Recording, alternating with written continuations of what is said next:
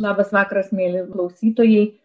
Tai, ką aš noriu Jums pasakyti šiandien, tai tarsi toks iš dviejų dalių.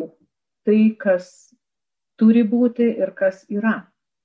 Todėl, kad e, šiek tiek teko prisiminti galbūt ankstesnius dalykus, tai, kas mane anksčiau jaudino ir šiek tiek štai taip ir dėliojausi savo pranešimą. Taigi, pirmiausia, gal pamėginkime atsakyti ar pradėti apmastyti tokį atsakymą, galbūt jau jūs kada nors kilo, galbūt vaikystėje, ar lengva būti moterim? Jeigu dabar galėčiau paklausti aš jūsų visų moterų, ar jums lengvas gyvenimas, ar jums lengva būti moterim? Ar nebuvo tokių minčių, kad galbūt, gal sakėt, Dieve, Dieve, už ką man tokia dalė? Ar dažnai priekaištavo Dievui dėl to, kad gimėt moterim? Ir antras klausimas, į kurį turbūt atsakymo nebus, ir aš nežinau, čia yra klausimas, kurį negali atsakyti niekas. Aš juk negalėjau pasirinkti, kuo gimti, ar mergaite, ar berniuku. Ir tai, kad aš gimiau mergaite, ar tai atsitiktinumas? Nejaugi mano gimimas, mano gimimas moterimi, gimimas mergaite ir tapimas moteriai yra nulemtas visiškai atsitiktinai tėviškosios lytinės lastelės? Kažkurios tai, nes būtent jinai neša informaciją. Tačiau jeigu tai vis dėlto yra desningumas, tai gal tada mano gyvenimas yra, kad aš turiu kažko išmokti. Ir jeigu mes būsim teisiami pagal meilę, vadinasi, turiu išmokti mylėti. Turiu išmokti būti pačia geriausia moterimi, kokia tik tai gali būti ir ieškoti, pirmiausia, ieškoti atsakymo, ką reiškia būti moterimi. Taigi tuos atsakymus reikės rasti patiems. Atsakymo neduodu. Ir turbūt neduosiu, bet pradėsiu ganėtinai iš tolo. Kas man labiausiai gyvenimo stebina tai, kad jeigu tu užduodi klausimą, kuris vis dėlto siejasi su amžinybė ar, ar su, su Dievo planu, tu gauni vienaip ar kitaip jį atsakymą. Pačiais keiščiausiais būdais. Man taip ir atsitiko. Šitą nuotrauką aš nusifotografavau, kada buvau pirmą kartą Izraelį, šventoje žemėje, čia buvo sudėti osuarijai prie raudų sienos. Mane jie labai nustebino, nes jie tokie mažutėliai, kaip mažos kraičios skrynios. Ir ženklai, kurie yra, tai yra labai panašus į mūsų saulės ženklą, kuris būdavo piešiamas ant, ant verpščių, ant visų rakandų moteriškų ir kraičio skrynė tikrai tai yra, yra panaši Osuarijai, priminsiu, kas yra osuarijai. Osuarijai tai yra, buvo naudojami Izraelyje iki 70 metų po Kristaus gimimo.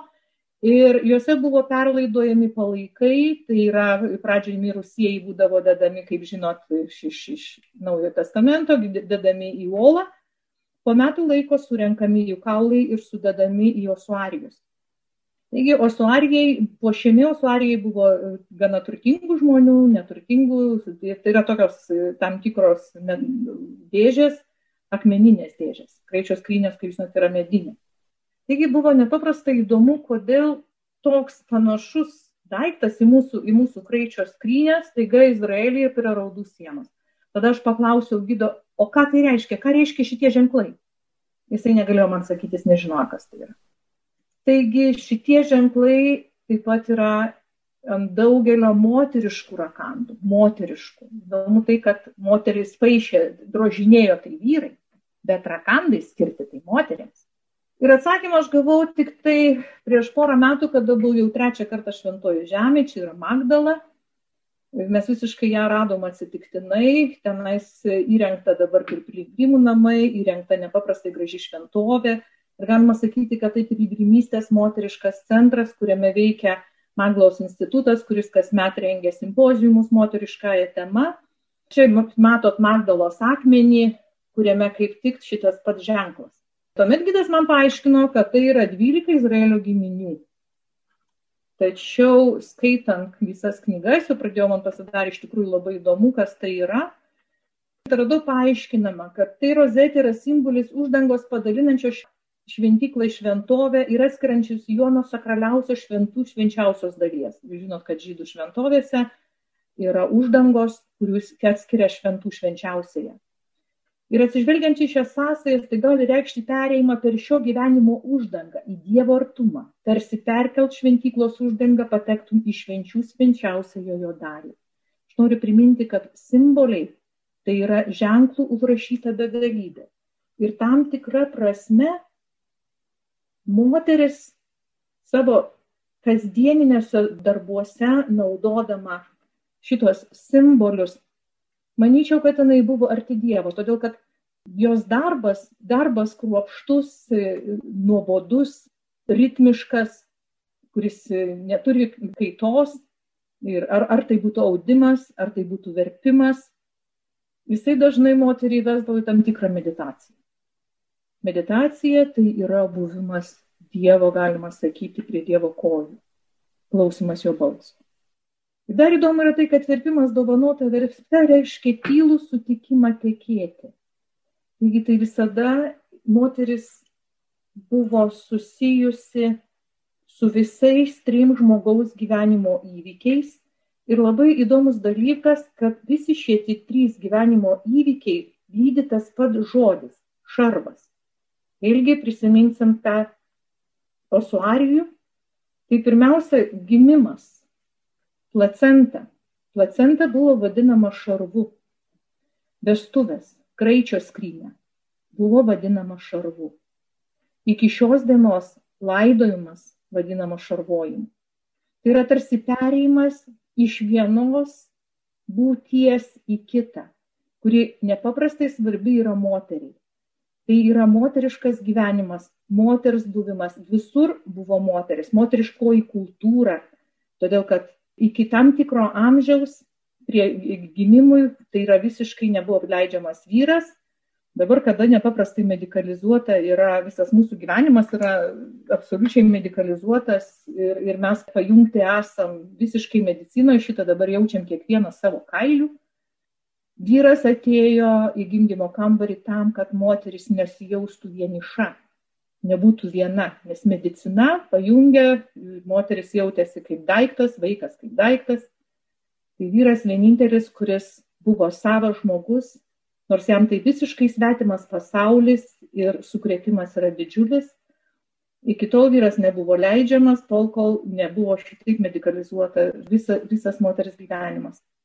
Taigi netgi kalboje, mūsų kalboje žodis marti ir mirti turi tą pačią šaknį, keičiasi tik viena raidė. Tai ką aš noriu pasakyti, kad moteris yra tarsi tiltas jungiantis šiapus ir anapus. Jos gyvenimas nėra padalintas, tarkim, į būti ir būti. Jie yra vientisas. Visas gyvenimas jai yra vientisas. Ne kiekviena karta gali kiekvienoj būties smulkmenoj įžiūrėti būties dalykus. Tai atrasti tą pašaukimą ar Dievo balsą. Tarkim, tikrai yra žinoma, kad būtent tradicijas perdoda moteris, tautos tradicijas. Ateina per moterį. Mes labai gerai žinom pradžios knygą ir tai, kad Dievas sukūrė žmogų pagal savo paveikslą ir panašumą. Dievas sukūrė žmogų kaip vyrą ir moterį pagal savo paveikslą jau dar žodžio panašumo jau kaip ir nėra. Ir žiūrint į, į, į, į šitą ir, ir prisimenant Biblijos pasakojimą, mes prisimenam du dalykus. Adomas mėgojo, jis buvo užmigdytas. Vadinasi, jisai nematė moters sukūrimo. Jis nedalyvavo moters sukūrime. Jis nedalyvavo moters sukūrime ir jis, todėl jisai neturi jokios galios ant jos. Jisai neturi galios ją valdyti. Paslaptis moteris jam išlieka paslaptimi. Ir galbūt, galbūt ir turėtų ir toliau likti tą paslaptimi. Nes dabar tai, kas vyksta dabar, iš tikrųjų iš moters paslapties tarsi ir nebeliko. Kitaip sakant, moteris yra visiškai nubūtinta. Palikta tik tai kiek jinai pažįstama, tai iš, iš, tik iš biologijos pusės ir tai dar ne visiškai. Antras dalykas, ką turėtumėm prisiminti, galbūt čia ir yra atsakymas į mūsų abiejų pašaukimus. Nes pirmiausia, tai, ką sako Jonas Paulius Murvieris dignitatam, vyro ir moters pašaukimai yra vienodi. jie yra abudu kilę iš sukūrimo slėpinio, todėl kad atsiriame į orumą. Žmogaus orumas ir vyro ir moters orumas yra vienodi pagal savo vertę. Ir jie yra todėl vienodi, kad abu jie yra sukurti kurėjo, o orumas reiškia pirmiausia tai, kad niekada santykyje su kitu asmeniu žmogus negali būti priemonė. Tik tikslu, žmogus negali būti naudojamas, negali būti vartojamas. Tai yra kaip priesakas. Ir taip pat kitas dalykas, kas yra šitam piešinį, ir galbūt tai yra, kaip, kaip vėlgi kalbant, prisimenant, kokią funkciją atlieka žmogaus šonkaulis, iš kurio buvo padaryta moteris, tai atlieka apsauginę funkciją. Jeigu mes sakysim, kad žmogus yra kūno ir sielos vienovė ir kūnas yra daugiau nei materiali tikrovė, nes kūnas išreiškia asmenį, žmogus veikia kūno pagalba. Žmogus be kūno mes nepažinsim asmens. Taigi šonkaulis žmogaus kūne atlieka apsauginę vaidmenį, apsauginį vaidmenį. Ir galbūt čia ir yra parašyta visa e, pašaukimo, pašaukimo turinys, skirtingas pašaukimo turinys. Pirmiausia, tai yra tai, kuris yra abiems jiems skirtas, kad žmogus vienintelis kūrinys žemėje, kuriuo Dievas norėjo dėl jo paties, gali save visiškai surasti tik tai nuoširdžiai pats save atiduodamas kitam. Ir moters prigimtis yra skirtinga nuo vyro iš esmės skirtinga. Ir jos prigimtis yra tokia, kad atiduoti save kitam jai yra lengviau. Iš prigimties lengviau. Sakydama iš prigimties, aš turiu galvoj ne ne biologinį gimimą, bet būtent sukūrimo slėpinį. Jis sukurta yra kitokia. Tai jeigu tu pažintum Dievo dovaną, sako Jonas Paulius. Ir pirmiausia, koks yra didžiulis skirtumas, kuris šiandien yra suniveliuotas arba galima sakyti visiškai nekreipiamas į tai dėmesys, todėl kad pirmiausia dabartinėje kultūroje, postmodernistinėje kultūroje, kada klesti socialinis konstruktyvizmas ir, ir sakoma, kad žmogus tai yra socialinis konstruktas, kad tai yra, e, tu, tu gali būti tuo, ko tu nori būti, visiškai atmetama yra žmogaus kūniškumas.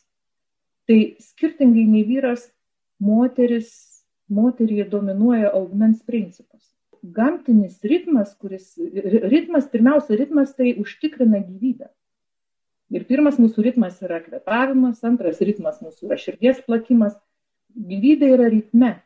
Ir šitas gamtinis ritmas, moteris praktiškai gyvena šituo ritmu, kuris keičia jos nuotaiką, keičia jos pažinimo procesus, keičia, keičia daugybę dalykų.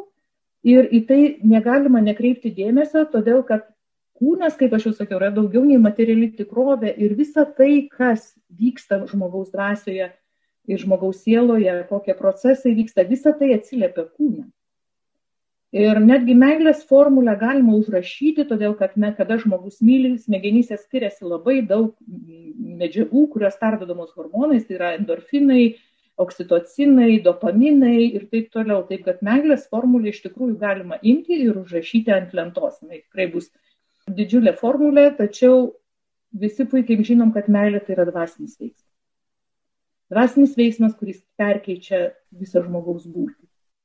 Tai bet moters gyvenimas ritmu ir tas ritmas yra tik tai tam, kad pasiruoštų priimti gyvybę kiekvieną mėnesį. Net daugiau nei mėnesį, tai yra mėnesinis ciklas yra, jį teisingai jį vadinti yra ovulaciniu ciklu. Todėl, kad subręsta viena kiaušialastė. Ir kas dar yra paprastai svarbu, tai, kad moteris gimsta su lytinių lastelių suomastom.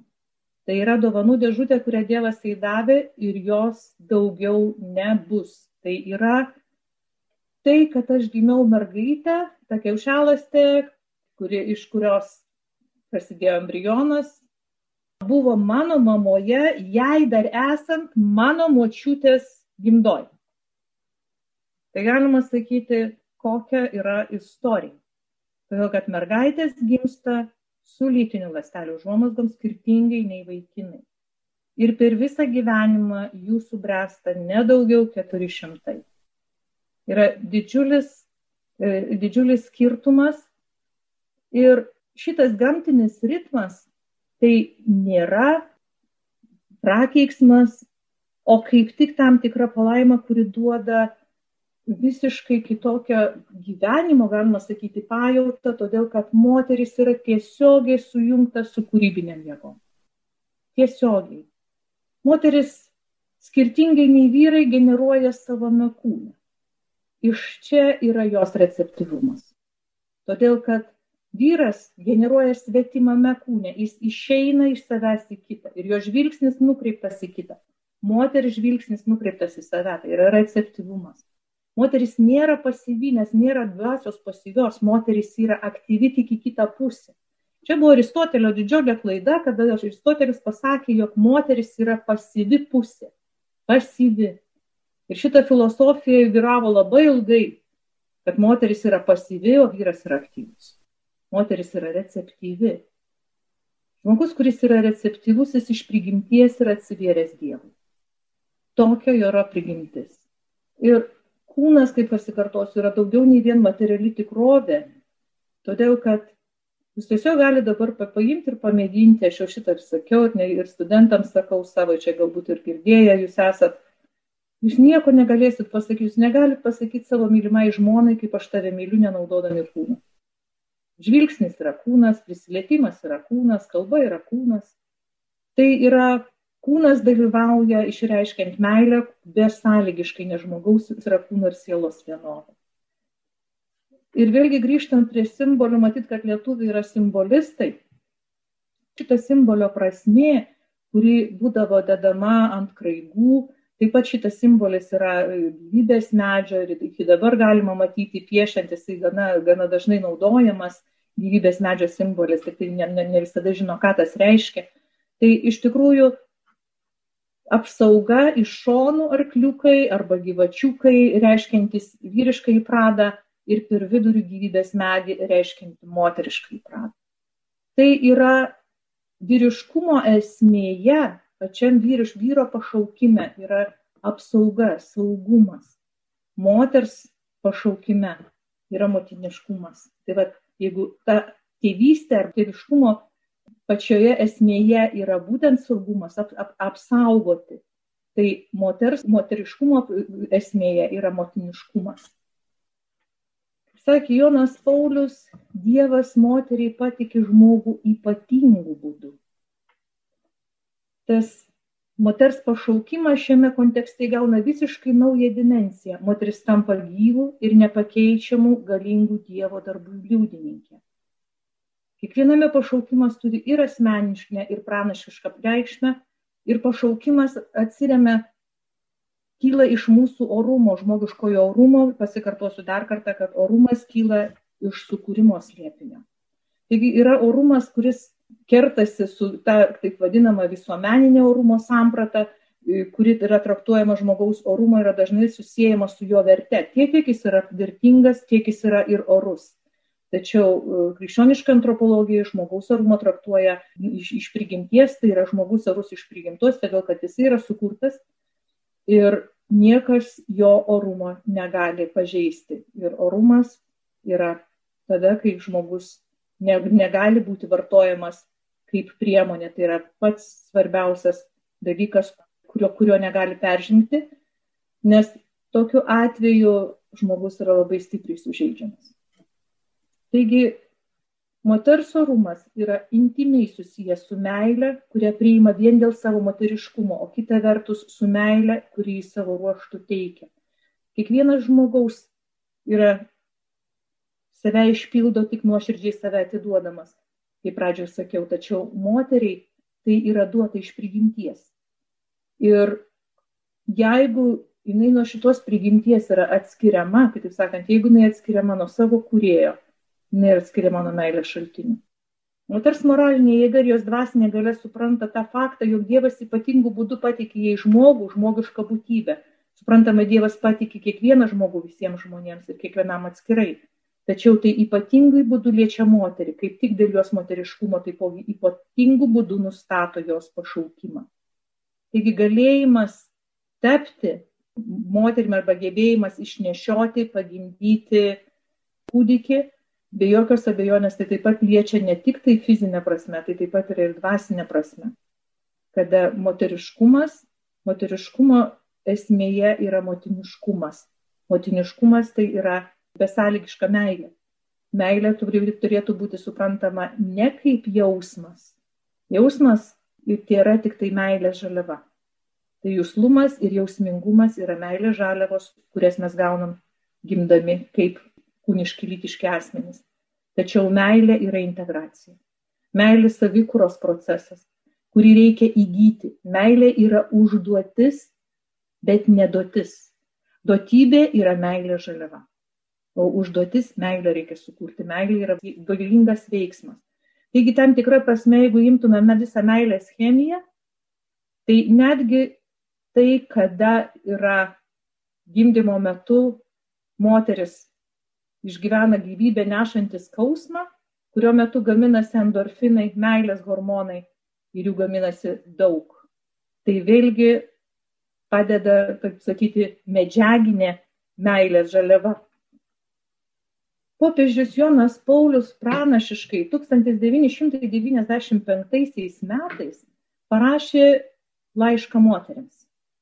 Laiškas buvo skirtas Pekino ketvirtai pasauliniai moterų konferencijai, kuri vyko Pekine 1995 metais rugsėjo mėnesį. Ir šitame laiške jis tikrai negailėjo nuoširdžių žodžių moteriai ir paaiškino, kalbėjo apie tai, kas tai yra moteris genijus. Jisai rašė, kad bažnyčia trokšta padėkoti švenčiausiai trejybei už moters paslapti ir už kiekvieną moterį, už visą, kas sudaro moteriško rūmo amžiną matmenį, už didžius Dievo darbus atliktojus joje ir per ją žmonijos istorijoje. Šitą citatą iš Mulieris Dignitatėm yra įrašyta į moterų E, taip vadinamą atriumą, kuris yra Magdaloj šventovėje. Viduryje yra parašyta. Šitas šventovė, šitas atriumas vadinamas yra, jisai pastatytas pagal senovinės bažnyčias, kuris turi aštuonis stulpus ir per vidurį yra šulinėlis. Tai toks atriumas, kuris, kuris senovinė šventykloje būdavo. Ir kiekvienas iš šitų stulpų yra skirtas Naujojo testamento moteriams. Tai ir Marijai, Dievo motinai ir Marijai Magdalietei ir visoms moteriams, kurios ten yra minimos. Ir taip pat vienas stulpas yra paliktas be užrašo ir parašyta, kad tai yra moteris, tai yra jums. Tai yra visoms užmirštoms moteriams, kurioms nėra padėkota. Ir kalbant toliau apie laišką, kurį Jonas Paulius rašė, jis net aštuonis kartus jame paminėjo moters genijaus pavadinimą. Tai yra moteriškumo genijus ir moters genijus, kuris turi keturis kriterijus, keturis bruožus. Tai yra receptyvumas, jautrumas, dausnumas ir motiniškumas. Motiniškumas apjungia juos visus. Todėl, kad jie į motiniškumą kaip tik ir telpa visą. Tai receptyvumas yra tai, kad tai yra moters prigimtis. Todėl, kad jinai generuoja kaip savame kūne, joje vyksta kūrybinės jėgos, kūrybinės galios. Neščioje moteriai yra dvi sielos - jos ir jos kūdikio. Yra palaiminta būsena. Ir kiekviena ta neščia moteris, daug, daug moterų paliudijo, kada jos savo vaikus yra mačiusios dar prieš jiems pradedant. Tai iš tikrųjų, aš daug girdėjau pasakojimų ir pati jos patyriau. Tai yra tada pajunti, kad tu esi apvaizdos sakysi. Tai yra nerealus patyrimas, tačiau reikia turėti galvoj, kad tu negali užsiverti. Užsivėrus tu to nepatirsi. Taigi tas receptyvumas, kada esi atviras Dievo veikimui. Ir aišku, jautrumas. Čia vieni dalykai su kitais susiję. Jautrumas moteris yra jautresnė. Ir kaip sako Jonas Paulius, jinai mato širdies akimis. Jinai mato širdies akimis todėl, kad jinai yra motiniška. Tai jai yra duota. Dosnumas. Dosnumas ne tik fizinis, dosnumas yra taip pat ir dvasinis kada moteris mato širdies akimis, todėl kad jinai yra jautri ir todėl kad jinai gali dalintis. Jinai turi kuo dalintis. Ir visą tai telpa motiniškume. iš kurio ir kyla, ir kyla moteriškumas. Toliau Jonas Paulius rašo, kad žmonija yra negražinamai skolinga už šią nuostabią didingą moterišką tradiciją. Tačiau kokia daugybė moterų dar tebėra vertinamos labiau už fizinę išvaizdą, ne jų patyrimą, profesionalumą, intelektualinius sugebėjimus, gilų jautrumą, trumpai tariant, pagal jų orumą. Ir tai, ką mes stebim šiandien, tai tikrai tenka tik apgailestauti, nes yra dalykai tikrai yra supasi labai įdomiai. Ir šitas laiškas buvo tikrai pranašiškas, labai gaila, kad moteris neišgirdo. Ir Pekino konferencijoje buvo padarytas, sakyčiau, kritinis veiksmas. Kritinis veiksmas todėl, kad tuo metu buvo visiškai įtvirtinta reprodukcinės sveikatos ir teisų samprata. Reprodukcinės sveikatos ir teisų samprata jinai buvo pradėta, e, tiksliau sakant, patvirtinta jinai buvo Kairo konferencijoje 94 metais, bet šitoj konferencijoje ji buvo įtvirtinta kaip moterų išlaisvinimas, išlaisvėjimas ar išlaisvinimas. Galima sakyti, kad šitą išlaisvinimą pradėjo arba jam filosofinį pamatą padėjo Simone de Beauvoir, feminizmo motina. Ir antroji lytis laikoma kaip feminizmo Biblija. Tai jeigu sakysim, kad Čarlzas Darvinas padėjo pamatus žmogaus kilimui iš beždžionės, ar ne, tai Simona Beauvoir padėjo pamatus būtent gender ideologijai ir reprodukciniam teisėm. Deberoje antroji, knygo antroji lytis, vadinama feminizmo Biblija, ko gero dar ilgai skaitins ne vienos jaunos, ypač nusivylusios, nepavykusiais santykiais merginos ar moters kraują. Knyga iš tikrųjų parašyta gana talentingai. Todėl, kad antroje lytyje žvelgiama pro asmeninę moters seksualumo ir seksualinių išgyvenimų ir aišku daugiausiai negatyvių prizmę. Ir kaltininkas žinoma randamas, tai yra vyras. Analizuojant knygos turinį iš tiesų apima toks dvilypis jausmas. Autorė giliai užkabina ir atskleidžia pačias skaudžiausias moteriai temas, visiškai atvirai apie jas kalba, todėl tas gylis ir drąsa iš tikrųjų žavi. Ir vis dėlto gerokai glumina tos priemonės, kurias autorė pateikė kaip moters išlaisvinamo prielaidą. Simona de Beauvoir mintis, kad didžia dalim įsigelbėjus iš reprodukcinės vergovės, ji, tai yra moteris, jau gali sutikti su siūlomu ekonominiu vaidmeniu ir tai užtikrins jos kaip asmenybės laimėjimą ir kad kontracepcijos priemonė ir legalus abortas leistų moteriai laisvai imtis motinystės pareigų. Aš sakyčiau, jei būtų galima kaip ir atleisti, todėl kad jinai nežinojo esminių dalykų. Jinai nežinojo, kad žmogus yra integralus. Moteris yra vienovėje lytiniai organai neveikia autonomiškai, o yra valdomi smegenų. Tačiau šita jos tradicija tebesitęsia iki dabar. Reprodukcinė sveikata, jeigu jūs iššifruotumėt, kas tai yra ta reprodukcinė sveikata, tai iš tikrųjų reikėtų dekoduoti. Dabartinis gender ideologija ir feminizmas keitė sampratas, keisdami kalbą. Ir tas kalbos keitimas tai yra tokia kaip šliaužianti tyli revoliucija. Nori pakeisti žmogaus sąmonę, pakeis kalbą. Ir pirmiausia, ką jie padarė, tai dekonstravo lytį, kitaip sakant, nuosmenino. Nebeliko vyro ir moters, yra lytis, o kai yra lytis, labai lengva padėti lygybę ženklo. Tarp vyro ir moters lygybė ženklo nepadėsi, nes tai yra, būtų didžiausia nesąmonė, bet tarp lyčių gali padėti. Taip atsiranda lyčių lygybė. Taigi toliau reprodukcinės teisės. Reprodukcinės teisės yra visiškai kontroversiškas terminas, kuris pats su savimi nesusitarė. Nes prasideda tuo, kad reprodukcinė sveikata tai yra ne tik lygų nebuvimas, bet ir reiškia, kad žmonės turi turėti juos tenkinantį saugų lytinį gyvenimą kas turi turėti juos tenkinantį saugų lytinį gyvenimą, supras, kad tai yra teisė patirti lytinį malonumą be pasiekmių. O pasiekmes dažniausiai yra vardėmos visada trys - neštumas, kritiškai plintančios lygos, aids. Koks tai poveikis moteriai kaip kūniškai lytiškam asmeniui, tai yra kontracepcijos vartojimas tiesiai susijęs su nepagarba moterim, tą pasakė dar Paulius VI humanė vykė. Moteris yra neatsiejama nuo pagarbos gyvybei pagarba moteriai ir pagarba gyvybei yra susiję tarpusavį. nes moteris yra gyvybės ritme. Nuolatiniam gyvybės ritme, nuolatiniam. Tai nėra tik tai menstruacijos ir ovulacija. Tai yra žymiai sudėtingesni procesai.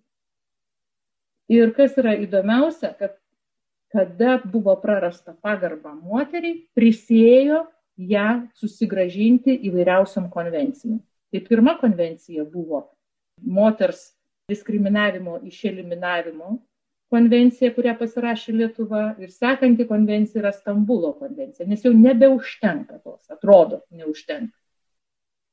Kitas dalykas, tas reprodukcinės sveikatos komponentė, kalbama toliau, kad vyrai ir moteris turi teisę būti informuoti. Kalbama čia apie lytinį švietimą. Tai aš turiu pasakyti, kad lytinis švietimas yra labai nepalankus moteriai. Tiesiog nedraugiškas, antimoteriškas. Naudoti saugiais, efektyviais, prieinamais, priimtinais, pasirinktais šeimos planavimo ir vaisingumo reguliavimo priemonėm, efektyvus ir modernus yra hormoninė kontracepcija Ir vėlgi tas pats yra vaisingumo atmetimas ir iš viso moters kūno atmetimas, jos kūrybinių jėgų atmetimas. Teisė į tinkamos sveikatos paslaugas apima ir abortą. Abortas nieko bendro iš visų sveikata neturi. O dabar dar Pekino konferencijoje nebuvo atvirai kalbama, tačiau dabar jau yra sukeliama į seksualinės veikatos ir reprodukcinių teisų atvirai kalbama apie lytinį malonumą. Tai yra ištrauka iš pasaulinės veikatos organizacija, kuri taip ir aiškina, kad malonus ir saugus seksualiniai patyrimai.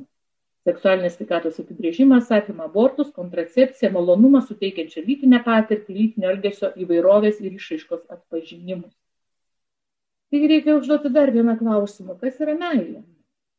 Gyvenimo koks tikslas yra meilė ar lytinis malonumas. Nes dabar viskas susiveda tik į tai. Lytinis švietimas kalba tik apie lytinį malonumą ir jau atvirų tekstų. Dar iki, prieš dešimt metų, dar buvo daugiau mažiau maskuojama. Dabar jau yra atvirai. Ir pagrindinis moterų siekimas, bent jau feminizmo, turėti lygybę būtent patirti lytinį malonumą, tačiau ar tai yra įmanoma? Ar ta lygybė yra įmanoma? Nes moteris generuoja savame kūne. Geismas ves tave su vyru ir jis tave valdys. Jau reikėtų pagalvoti, kas čia šiuo atveju valdo. Ir ar tikrai moters reprodukcinė sveikata suteikia moteriams daugiau laisvės? Kas yra nutylima?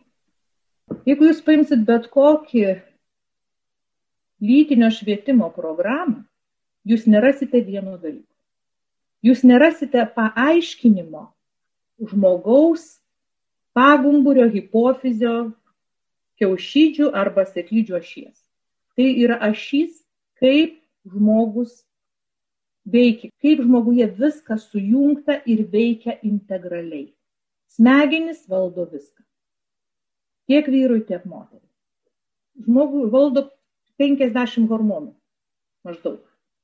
Lytiniai hormonai yra smegenyse, receptoriai yra įsidėšę visuose smegenyse, ypatingai kaktinėje skilti, kurie atsakinga yra už kognityvinius gebėjimus.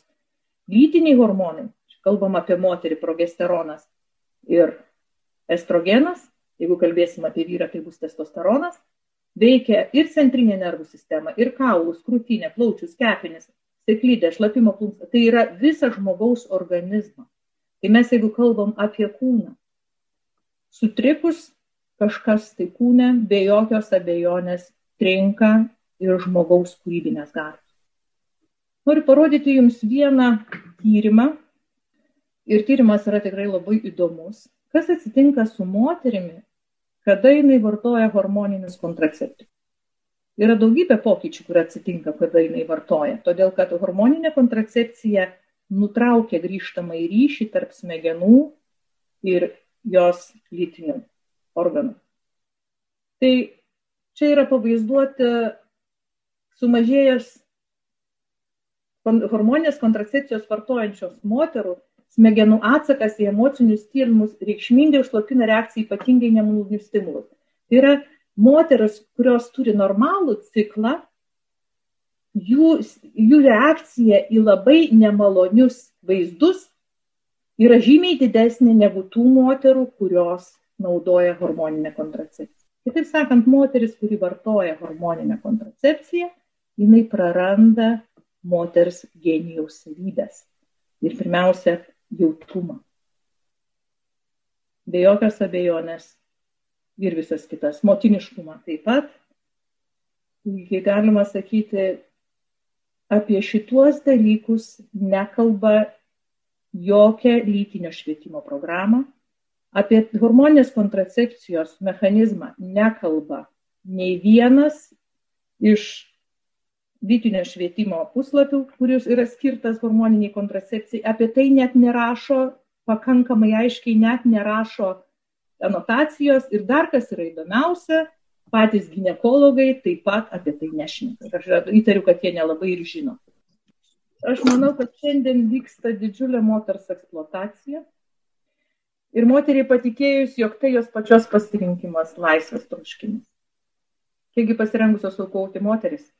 Nes reprodukcinės teisės ir seksualinė sveikata, nes abortas ir hormoninė kontracepcija bei pasiekmes yra išimtinai moteriams.